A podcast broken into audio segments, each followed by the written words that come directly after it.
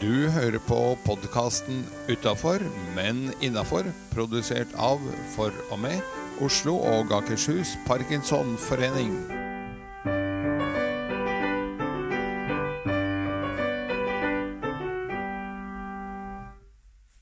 Hei, jeg heter Seri Lind, og ved min side så har jeg som vanlig min faste, fine makker, og det er Edgar, Hei, hei. hei. Og hei til alle dere som hører på. Dette blir bra. Hvorfor blir det bra? Fordi vi som vanlig har et svingende program. Vi pleier å åpne med en bra start på dagen, med et tips om det. Og så har vi et lite tips om hvordan du lever eh, så bra som du kan med Parkinson-diagnose. Eller dette kan gjelde pårørende også. Hvordan de skal leve bra. Og så har vi ukens gjest, og denne gangen er det en helt spesiell gjest. For hun har faktisk ingen annen tilknytning til parkinson enn at eh, Benedicte og jeg har kjent hverandre i årevis og fulgt hverandre sånn passe tett. Og så blir det vel noen kunngjøringer og en liten quiz eh, til slutt, eh, tenker jeg. Så bra. Men skal vi bare kjøre i gang med en god start på dagen, da?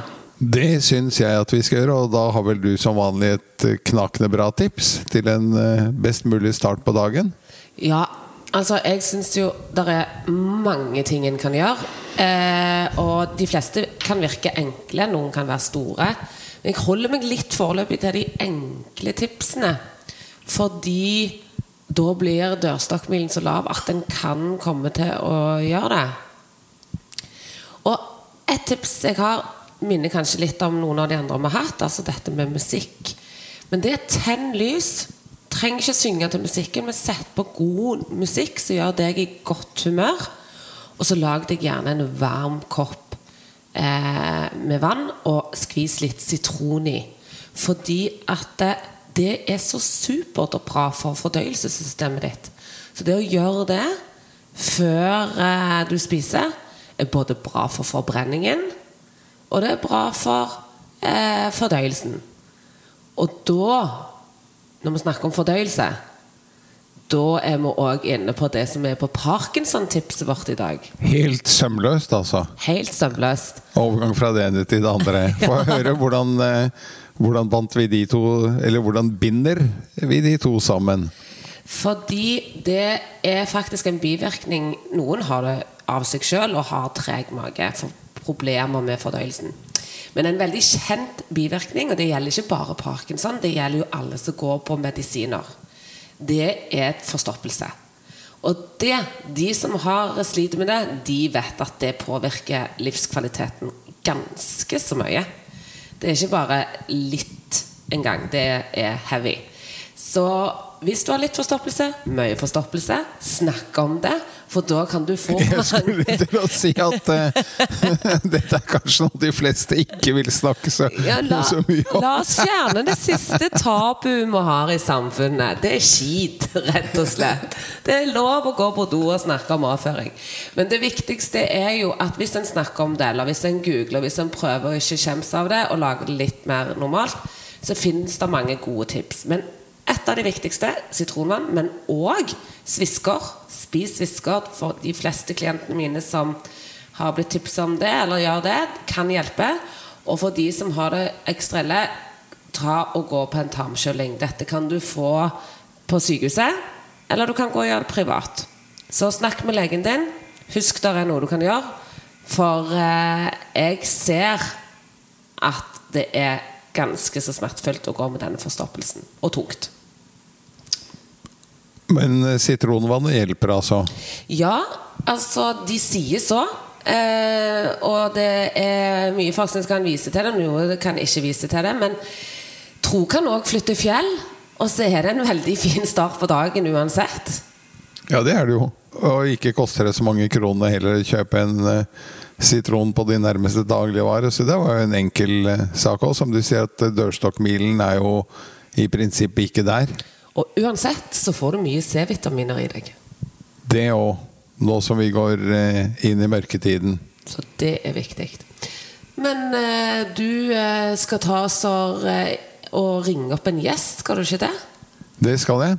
Hvem? Vi skal ringe opp eh, Benedicte Finnema.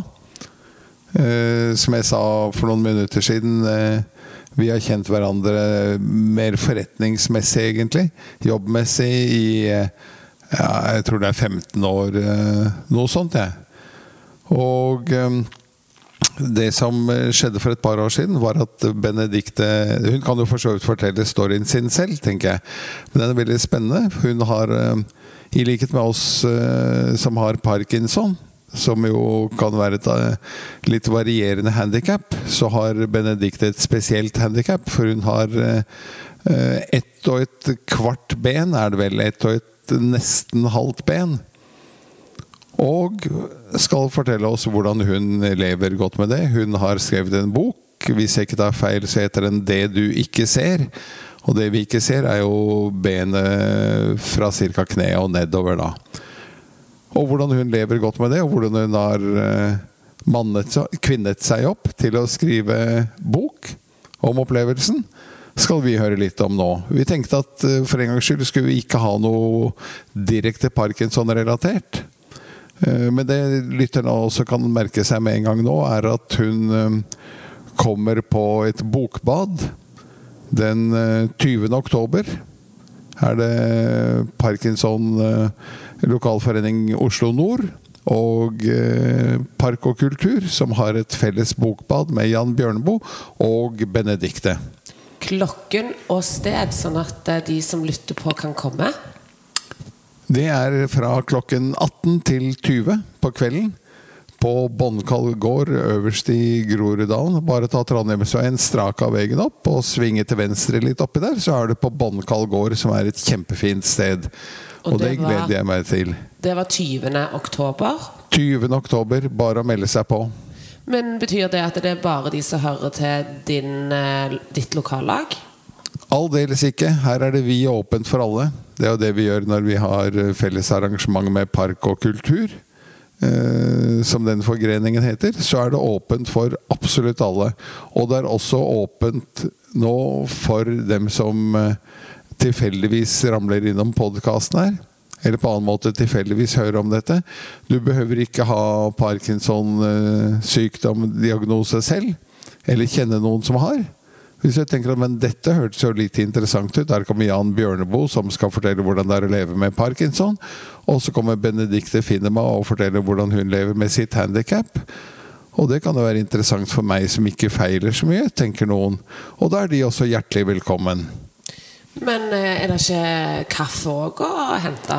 Det er det, vet du. Litt enkel servering og en eh, god kopp kaffe litt uti der. Ingenting er bedre enn enkel servering. Ingenting er bedre. Løp. Løp opp. Men eh, det du sa med at Benedicte Altså at det er jo ingen sammenheng med, med parkinson. Men det er jo nettopp det at vi alle mennesker kan jo inspirere hverandre så lenge vi har I hvert fall når en har erfart noe som da trenger ikke å være at en må ha samme sykdom, ville jo jeg tenkt. Og da tenker du veldig riktig, og det er også derfor vi har invitert eh, Benedicte til å komme og fortelle sin historie. Kan vi ringe, da? Da tenker jeg at vi ringer opp, jeg.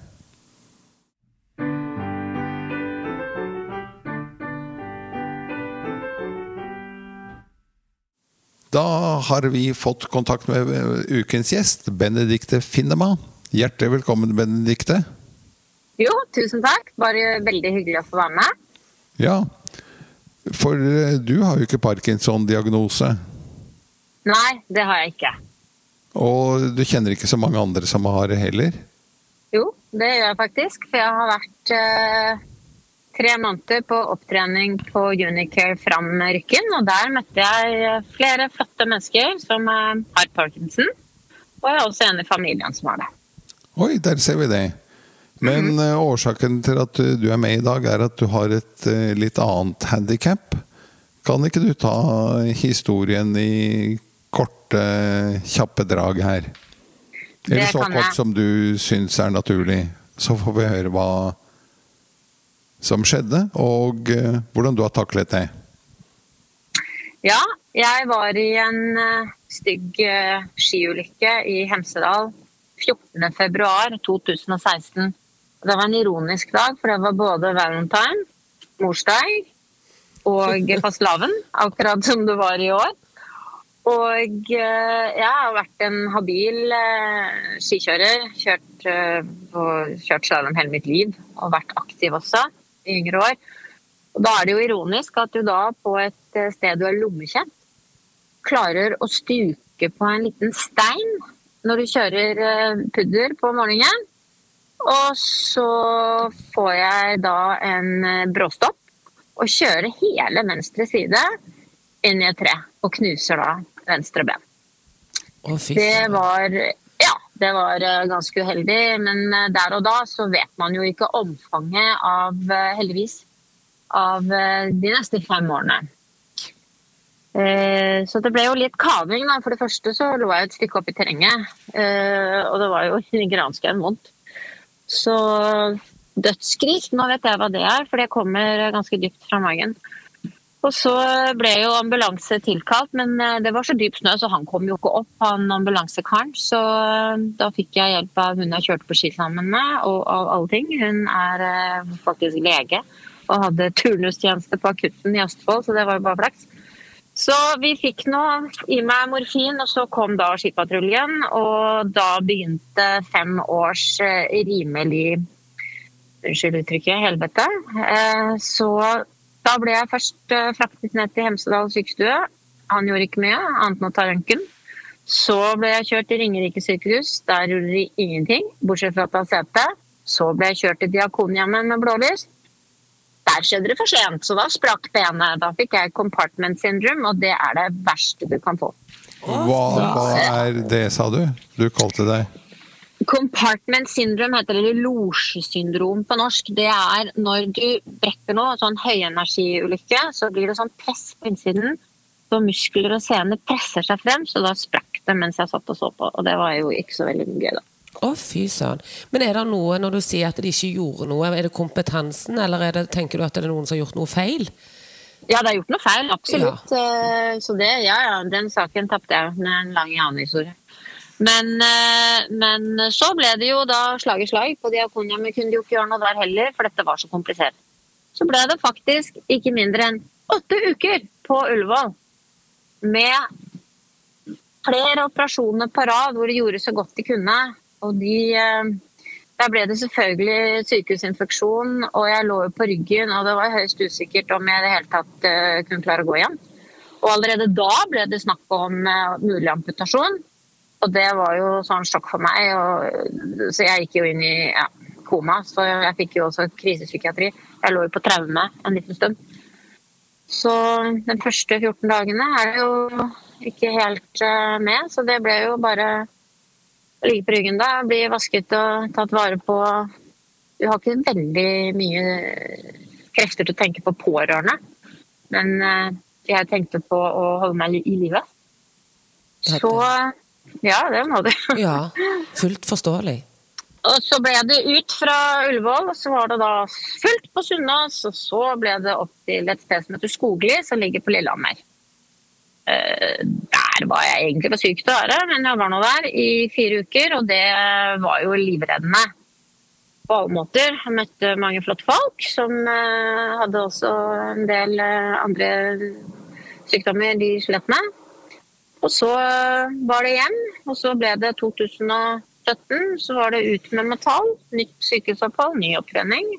Så gikk det ti måneder, så var det tilbake på Ullevål. Så var det inn med nytt metall og nytt opptreningsopphold. Så ble det jo enda flere opptreningsopphold etter hvert, fordi jeg kunne jo ikke gå. Eh, Det benet ble aldri bra, det ble bare stivere og stivere, og mer og mer i vinkel. Så er jo jeg da sportsjente, og har jo ikke grepet så veldig mye annet enn sport og dyr. Så jeg kjempet på beste måte. Begynte igjen med da styrketrening, og selvfølgelig målet mitt var jo å gå med hunden. Det klarte jeg etter hvert. Og klare meg i dagliglivet. Og så står jeg på golfbanen, for jeg har begynt med paragolf. Eh, og så brekker benet under meg, rett og slett. Og da ble det i all hast i Ullevål igjen, og da ble det kappet. Så jeg ble omsider låramputert, og det ble jeg nøyaktig for to år siden. Og da startet faktisk et bra liv, selv om det var pyton et helt år hvor du lærer å gå på proteser. Eh, men nå har jeg det jo bedre enn for lenge, fordi jeg har jo ikke smerter. Men du sier at dette var for to år siden. Det var altså i oktober 2019 da vi kom til da? Yes. Da ble jeg amputert. Så det var 3,8 år med bare kaving og masse operasjoner. Omsider ble jeg amputert. Var det du som ønsket å kave og beholde, eh, eller var det anbefalinger? Nei, det er jo litt sånn pest eller kolera fra Ullevåls side. Da. De var veldig usikre i 2017 da de skulle sette inn en sånn lang eh, innvendig kneprotese. Så var det litt sånn pest eller kolera. Eh, kolera kan kureres, eh, type ting. Så eh, de ville gjøre et forsøk, og det gjorde de. Og da puttet de meg i, eh, helt unødig i en forferdelig smertefull ja, ti måneder. Um, Nei, faktisk det var mer enn et år. Og det er de veldig lei seg for. og har, altså Jeg er jo jevnlig dialog med dem og prater jo med dem også. Eh, og skal jo da eh, snakke med dem i noe de fint kaller for symposium.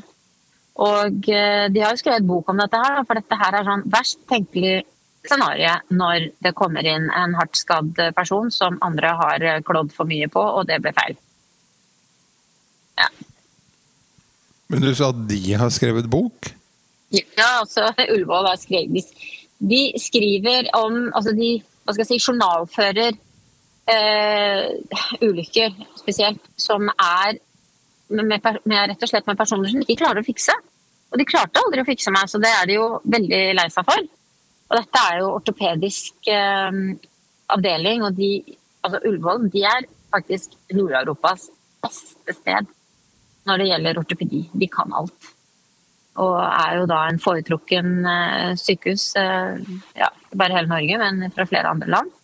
Men de er jo kjempelei seg. De klarte ikke å fikse meg. Ferdig. Så de sendte meg ut feil i 2017 med en innvendig protese som ikke funker, og så kom jeg tilbake med et ben som eh, var enda mer i stykker, som de da måtte kappe. Så jeg har låramputert i dag. Og låramputert betyr? Da har de kappet 12 cm over kneet så jeg har en eh, benstump som eh, oppfører seg pent, fordi jeg har ikke underliggende sykdommer. Så den er, eh, den er hel og pen. Men selvfølgelig, det er jo ikke noe walk in the park å være låramputert. Du forteller jo om en reise i smerter både opp og ned, men jeg tenker jo psykisk òg må det jo ha vært det. Du nevnte jo litt innledningsvis Eh, hvordan er psyken nå etter smertene vekke, selv om du har mista foten?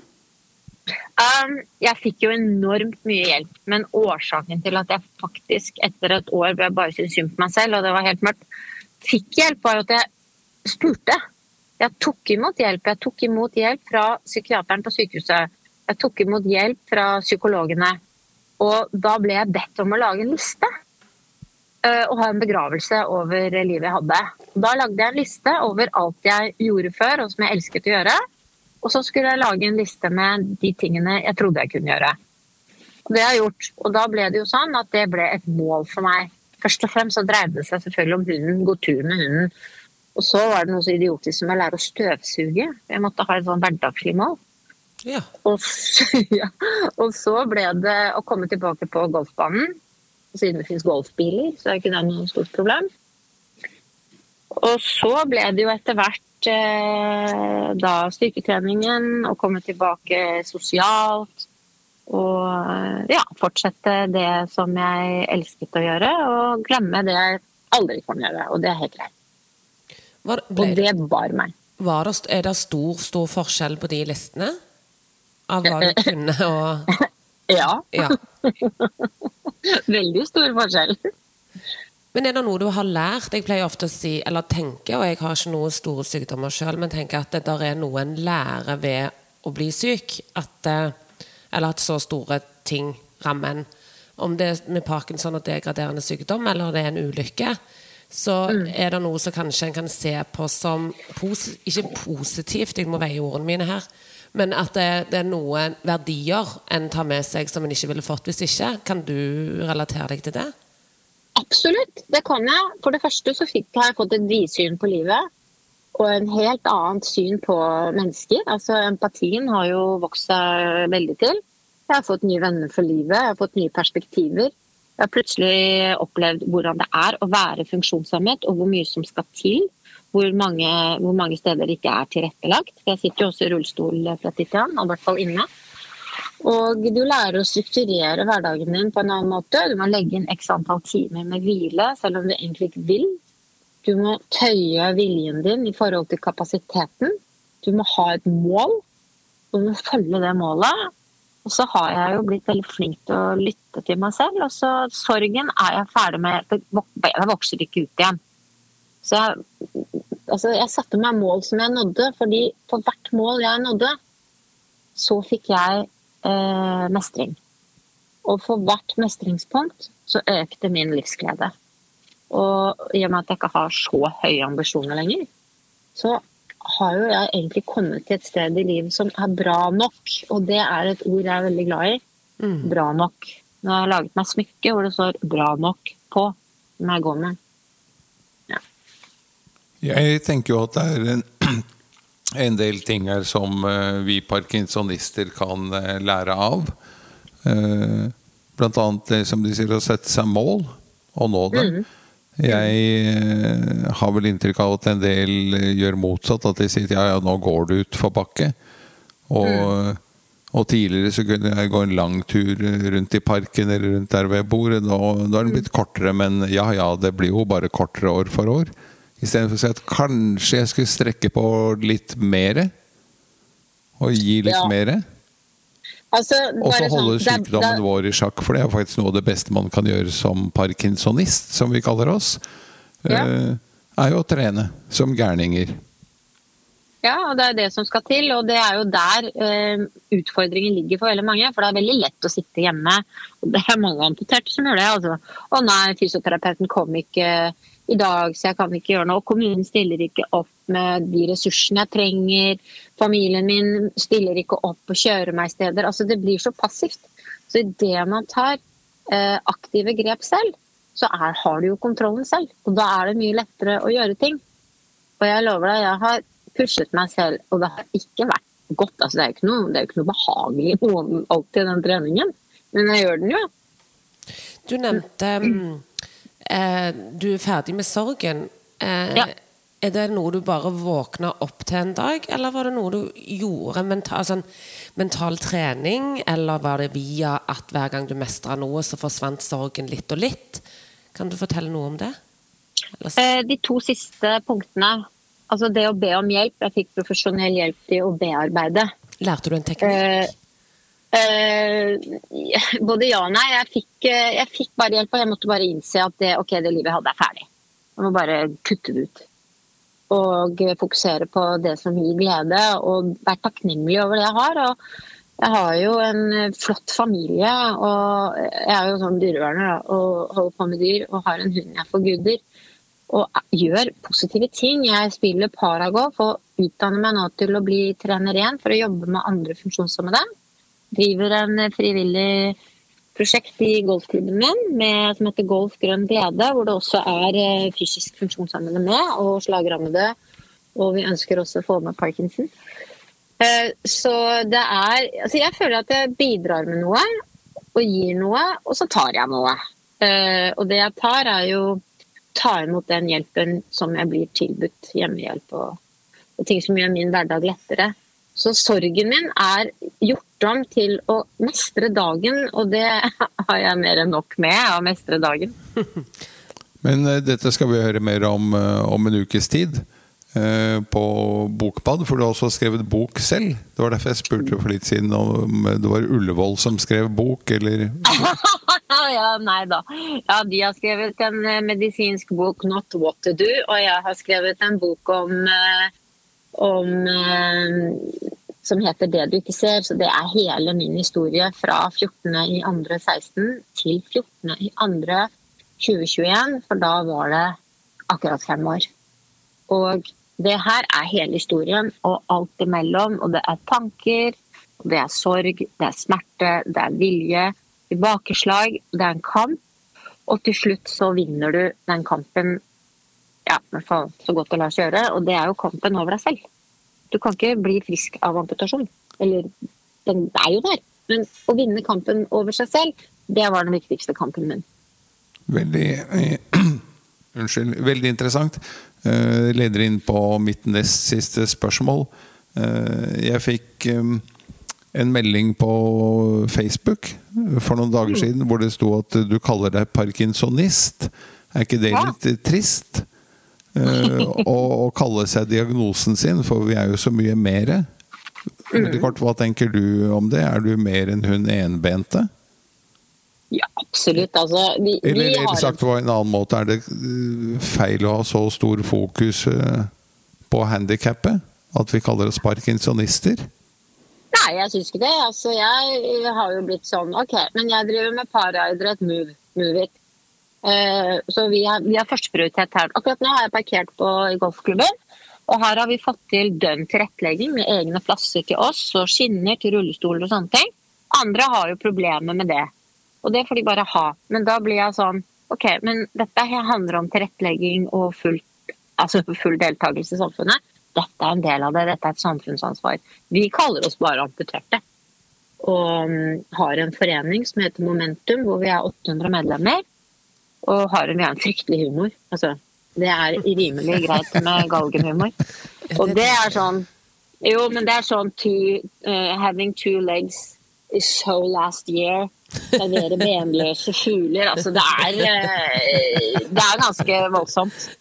Og vi har mange arrangementer, da. Deilig. Og mye gøy. Ja, ja.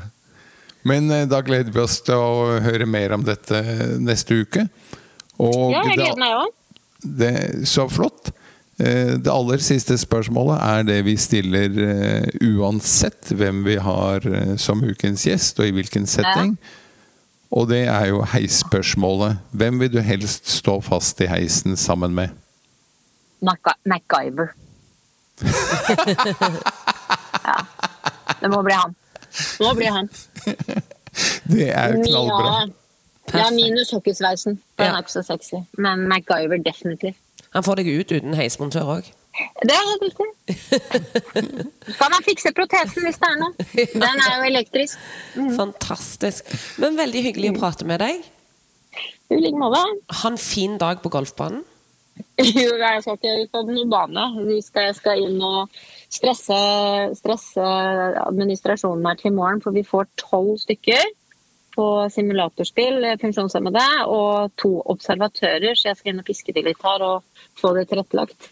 Bra. Bra jobba. Suverent jobbet, Benedikte. Tusen takk Jo, for at du var med oss i dag. Jo, takk selv.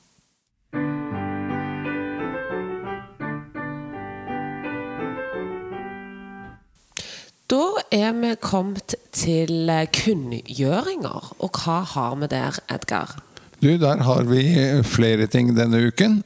Det ene er at eh, Parkinson-brevet er eh, på igjen, som de fleste, i hvert fall i, i Oslo og Akershus, har fått i postkassen sin for en ukes tid siden. Eh, og der trengs det flere bidrag.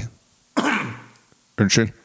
Det Jeg er sitter hos logopeden, så jeg eh, Det er det slimet vi ikke blir kvitt. Ja. Um, jo, der trengs det bidrag. Skriver du dikt, skriver du en annen historie, er det noe du har opplevd, noe du har lyst til å dele, så send inn til redaksjonen for uh, årets siste utgave av uh, Parkinson-brevet, som kommer litt nærmere jul. Men det er bare å sende inn. Hva, men hva Hvis du sitter hjemme nå, og så har du kanskje noen ideer som sier det passer ikke der, hva tenker du passer i et Parkinson-brev? Der passer det aller meste. Enten du er pasient eller pårørende, eller uh, bare kjenner noen som har parkinson. Men må det på en måte være Parkinson-relatert, eller kan det være en julehistorie, eller kan det være en eh, eh, et dikt de eh, har dikta? Altså, kan Eller et reisebrev fra, en artig, fra et artig sted du har besøkt. Ja, og det behøver ikke være langt unna i det hele tatt. Det er jo massevis som eh, finnes i, midt i Oslo by. Eller eh, vi har jo lokalforeninger på eh, Follo, Lørenskog, Asker og Bærum. Så dette kan være noe du har lyst til å trekke frem av en eh, kall det severdighet, som flere burde oppdage. Skjulte perler. Det kan være en oppskrift du har med deg fra far eller mor, eller som du Altså, alt passer egentlig inn i Parkinson-brevet. Og hvis du tenker at eh, de trenger kanskje et påfyll i redaksjonen, så er det bare å melde seg der òg. Så her er det bare å trå til. Og så har eh, Oslo Syd etablert en, eh, en samtalegruppe. Det finner du mer om på parkinson.no. Og det er Per Erik Hansen, Hansen som eh, leder den. ta kontakt. Er så viktig å prate. Det er nemlig det det er. Så viktig å snakke høyt. Dele. Nemlig. Og parallelt så har Tore Pettersen i Oslo nord stablet på bena en pårørendegruppe. Og igjen, det er viktig å snakke om det. Eh, Det har vært oppe flere ganger at vi som har diagnosen, blir ofte spurt hvordan vi har det. Mens eh, ektefelle, partner, sambo, hva, hva det er, blir veldig sjelden spurt om hvordan eh, hun eller han har det. Og det er jo faktisk sånn når du lever som par, og den ene Når Mr. Parkinson flytter inn i parforholdet, så er det jo ofte en dans som sjelden går i takt når vi er tre. Veldig sjelden går i takt. Sånn at det, da er det viktig at den pårørende både blir sett og hørt. Eh, så ta kontakt med Tore Pettersen. For når noen òg stabler disse gruppene på beina, så må vi andre som har vært passive og ikke gjort det, vi må jo være med å gjøre et bidrag, og det er å være med å delta.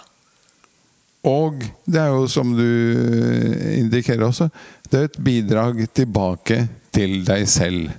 Det er det. Det ene er å, å gi Tore, eh, eller da Per Erik i Oslo Syd, en klapp på skulderen og si at dette er interessant, det er jeg gjerne med på. Men det andre er at du får jo så mye ut av det selv. Så det er bare å melde seg på. Er kunngjøring kun, Det ble for langt ord for logopeden i dag. Er kunngjøringer ferdig? Da er vi vel i mål med kunngjøringer. Bra, så da kan jeg få ta og kjøre deg ei lita runde i quiz? Ja, vi slipper vel ikke unna den i dag heller. Nei?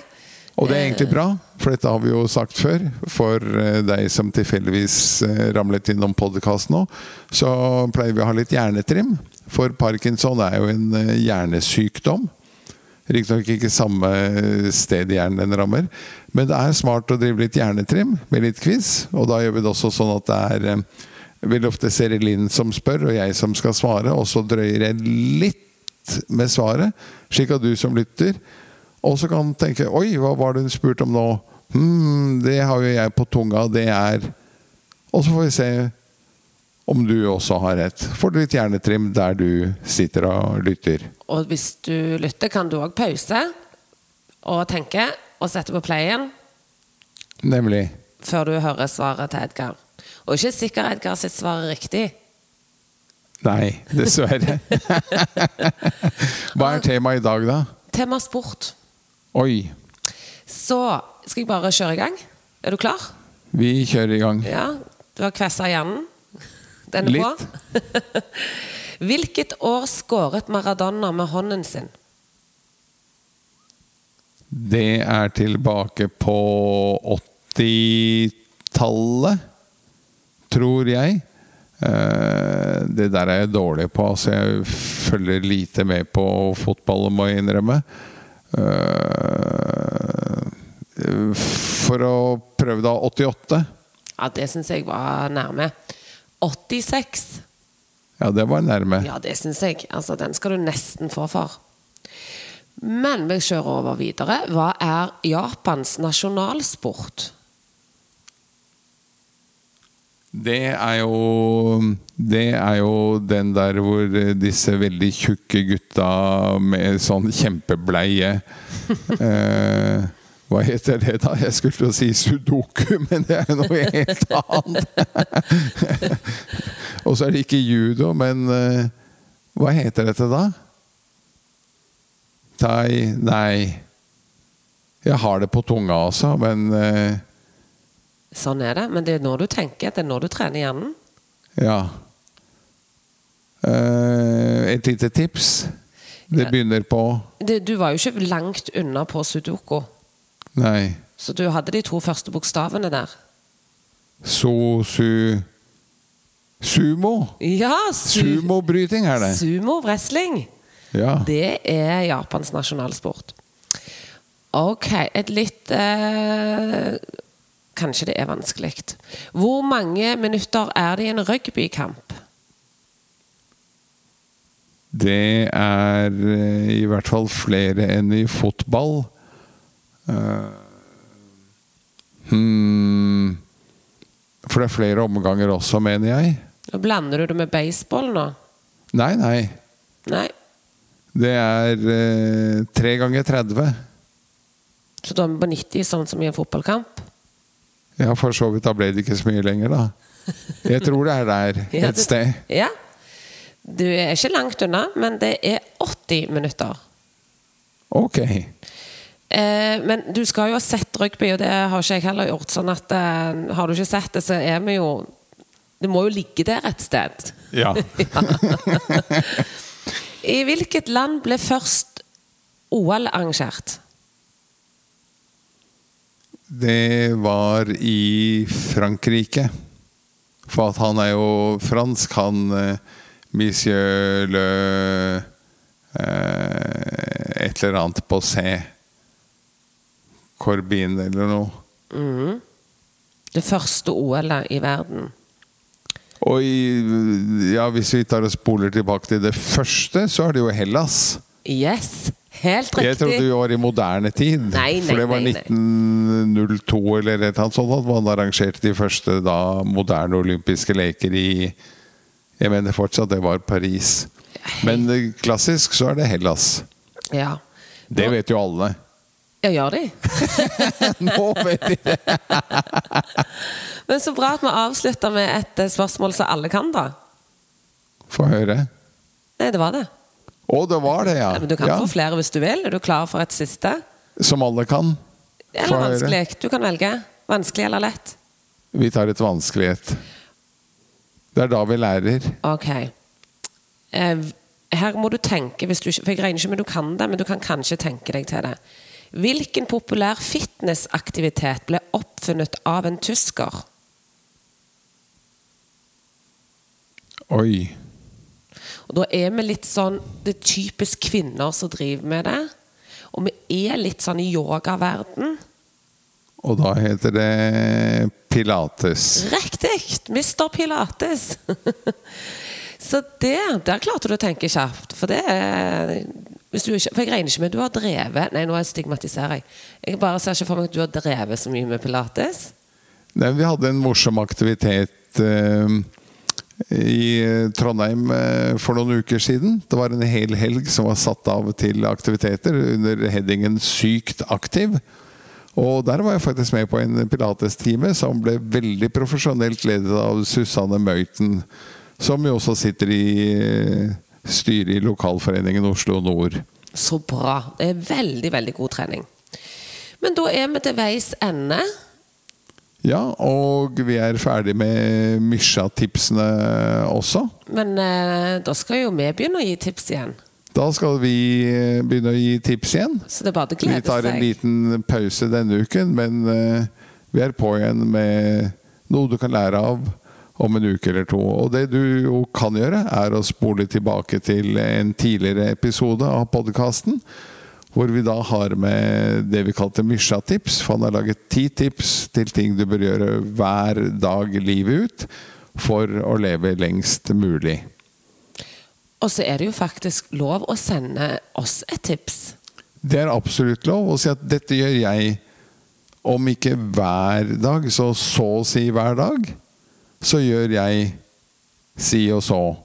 Gjerne da for å holde eh, doktor Parkinson på armlengdes avstand og vel så det. Ja, eller bare at du tenker at det burde jeg ha gjort. Men så kan du i hvert fall inspirere andre til å gjøre det. Why not? Why not? Takk for i dag, og takk for du lytta. Takk. Du har eh, hørt på podkasten Utafor, men innafor, produsert av For og med Oslo og Akershus Parkinsonforening. Vi håper du har hygget deg, og ønsker deg hjertelig på gjenhør i nye sendinger.